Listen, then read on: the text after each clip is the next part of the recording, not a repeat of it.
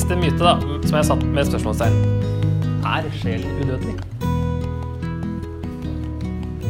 Vi så jo på det med sjel i stad. Dyr og mennesker er en sjel. De har ikke en sjel. Og eh, de kan være døde sjeler. Men at uh, alt som lever, er en sjel. sant? Uh, hvis vi uh, raskt nå Matteus 13,40, eh, som vi leste den lignelsen om hveten og ugresset, som vi leste forgårs. Matteus 13,40. Slik som når ugresset blir sanket sammen og brent på ilden, slik skal det gå ved verdens ende. Ja, Vi kan holde oss til vers 40. Selv om man sier vers 42, så skal de kaste dem i ildovnen der de gråter og skjærer tenner. Men eh, bildet i lignelsen er jo at ugresset brennes opp fullstendig. ikke sant? Det er ikke at ugresset er i ovnen der og brenner og brenner og blir aldri oppbrent. Det er at det brennes opp. Ikke Sant? Men det her med død, da ok, det er der, der det liksom egentlig tror jeg i hvert fall det går tilbake Eller det her blir spørsmålet er det en fysisk død eller er det en åndelig død det er snakk om? Når det er sånne her død-advarsler eh, i Bibelen. Er det tilintetgjørelse, eller er det en adskillelse? Er det en åndelig død, altså en adskillelse fra Gud? Det har vi kanskje hørt mer om. Eller er det en fysisk død som òg for så vidt Altså alt vi er, da, eh, dør. Eh, det, kanskje, kan, det kan være litt sånn hulter til bulter på slutten her, for jeg måtte bare forte meg å få få det ferdig. Eh, men at sjelen blir borte. Altså sjelen opphører å eksistere, den også, da. Eh, når vi så på det i stad, at sjelen ikke er en sånn adskilt sak, i hvert fall ikke i gammeltestamentlig tanke. Men jeg tror det her går tilbake til, helt tilbake til Første Mosebok 2 og 3, der det står at eh, i 2.17 så står det at de ikke skulle spise av treet til kunnskap om godt og ondt, for den dagen du spiser av det, skal du dø.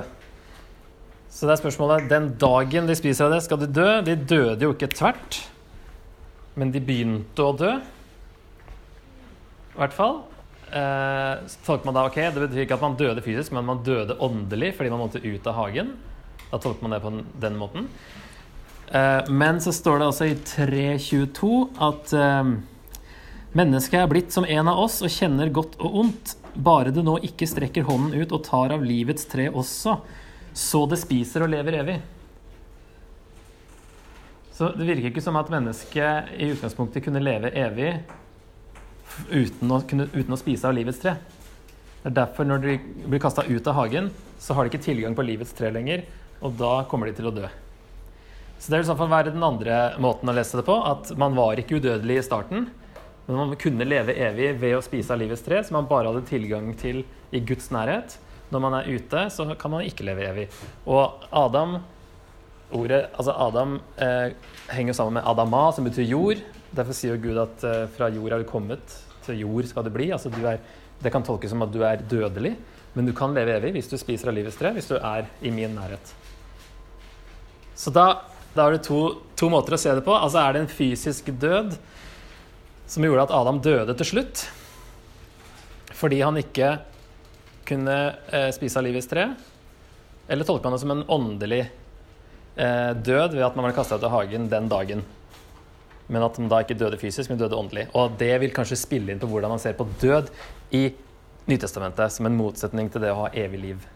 Er det da en evig død som i evig adskillelse fra Gud, eller er det en død som gjør at det gjøres ende på deg for alltid, men at den varer evig, den konsekvensen, den tilstanden?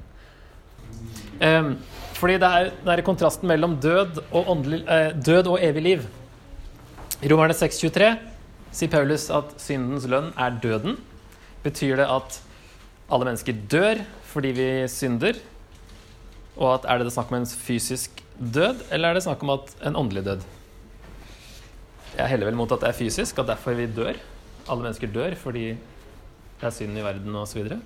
Fordi vi ikke kan spise av livets tre. Fordi Adam synda. Og døden kom inn.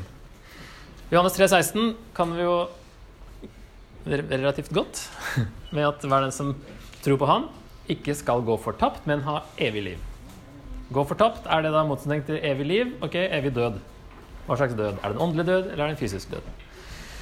Eh, Johannes 2, 17. For verden går grunne med alt sitt men den som gjør Guds vilje, består til evig. Ja. Verden går til grunne. Den som gjør Guds vilje, består til evig tid. Der har vi en litt tydelig kontrast på det, syns jeg. Og så kan du også lese 5, 12. Eh, Den som har Sønnen, har livet, men den som ikke har Guds sønn, har ikke liv. Ja. Så det har jo mange tenkt. da, ikke sant? Ja, evig liv, hva er det motsatte av evig liv? Er det da? Og også litt sånn, jeg, synes, jeg sympatiserer med det, da. At Gud Hvis han har gitt oss fri vilje og sier liksom, nei, det er opp til deg hva du velger, men hvis du ikke velger meg, så skal du likevel leve evig, men i evig pine. Jeg sliter litt med den, da. At hvis Gud gir oss fri vilje, så velger vi evig liv eller ikke. Og så er det sånn overraskelse at vi har evig liv likevel, bare at det er en annen type liv. Jeg syns det er litt, ja, litt rart. Og så er det jo veldig interessant. Eh, begynner å nærme oss eh, slutten. Første Timoteus 6, 16 og Romerne 2, 6-7. Det er veldig viktig vers, faktisk. I hvert fall den, eh, spesielt den første her. Når det gjelder dette her med udødelighet. Har du romerne klar? Kan du lese den første, da? Han skal gi enhver etter hans gjerninger. Han gir evig liv til dem som med tålmodighet utholdenhet, nei, tålmodig utholdenhet i god gjerning søker herlighet, ære og utbredelighet. Ja. Var det seks år sju? Ja. Det var bare snakk om eh, de som skulle få evig liv. Han skal gi evig liv til Og uforgjengelighet, kanskje var det jeg tenkte på. da. At uh, uforgjengelighet, altså at man ikke er forgjengelig, at man ikke går, blir borte. Uh, ja, blir til intet. Uh, ja, 1. Timoteus 6,16. Han alene kan være Nei, han alene har eh, udødelighet og bor i et lys ikke noen andre kan nærme seg. Han har eh, ikke noe menneske sett eller kan se. Han bærer evig og evig makt. Amen. Så her er Gud, som er Han er den eneste som har udødelighet. Og som kanskje var, kanskje var best å lese det i motsatt rekkefølge, da. For først, Gud er den eneste som har udødelighet, men han gir evig liv til de som søker han, da. Sånn at sjelen ser ikke ut som den er udødelig i utgangspunktet, men at bare Gud har udødelighet, men han gir udødelighet til de som tror. Hva da med de andre? Det kan de, det kan være at de ikke da har en udødelig sjel. Og uansett har vi sett at sjel ikke er en sånn atskilt sak. Og Jesus sier, 'Frykt heller ham som kan ødelegge både sjel og kropp i helvete'. Ødelegge sjelen og ødelegge kroppen. Altså gjøre ende på begge deler, da. Ikke bare på mennesker som kan eh, drepe oss her og nå, men ikke kan drepe vår, gjøre ende på vår endelige skjebne. Altså Hvis vi drepes nå, så betyr ikke det at vi går til grunne fordi vi tror på Jesus. Men Gud, det er han vi skal frykte, for han kan gjøre ende på både kroppen og sjelen. Livet. Så siste er egentlig at advarselen er død. Altså syndens lønn er døden. ikke sant? Det er det som advares. Ildsjøen kalles den annen død. Syndens lønn er døden osv. En sjel kan reddes fra døden, sier Jakob. Han bruker ordet sjel også. Sånn at eh, det er mye som tyder på, syns jeg, at sjelen ikke er udødelig i utgangspunktet. Jeg tenkte faktisk å begynne med prøve å samle litt tråder fra i går. Oppsummere det. Så punkt én Målet er ikke å komme til himmelen, men å være sammen med Gud på den nye jorden, da Guds rike og jorden overlapper fullstendig, og Gud igjen bor blant menneskene, som han gjorde i Første Mosebok 1 og 2. Eh, og så punkt to. I løpet av livet på jorda tar man et, bevisst eller mer ubevisst, valg om man vil tilbe Gud eller ikke. De som tror på Jesus, får evig liv i Guds rike på den nye jord fordi de ønsker å være sammen med ham. De som ikke ønsker dette, går fortapt. Dette bør være motivasjonen for å bli frelst og en del av vår evangelisering. Fordi det å skremme med helvete, det er liksom Det er liksom ikke riktig motivasjon da, for å, for å bli frelst. Det kan funke for noen, at det begynner der. Og så får man mer, ser man mer hva det går ut på, og skjønner vi mer, og får en annen motivasjon eh, senere, da. Men det er det en, eh, ting. Og så har du da en annen ting som vi kanskje ikke tenker så mye over, men som er på en måte ikke helt riktig motivasjon, det heller. Det er det at man eh, vil til himmelen. Man vil ikke først og fremst til Jesus, men man vil til himmelen, for der skal det være bra. Eh, men poenget er at du vil til Jesus. Du vil være med Jesus. Det er det som egentlig bør være sentrale.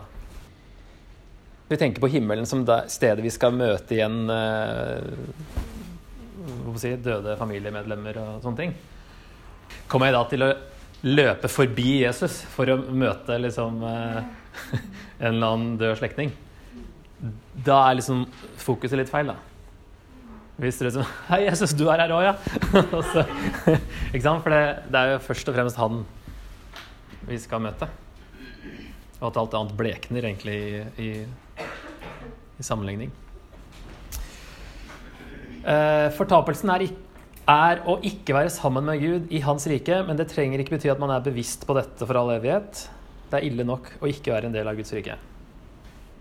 Altså, det å gå fortapt, eller som så at eh, gå til grunne, at det er sånne ord som brukes.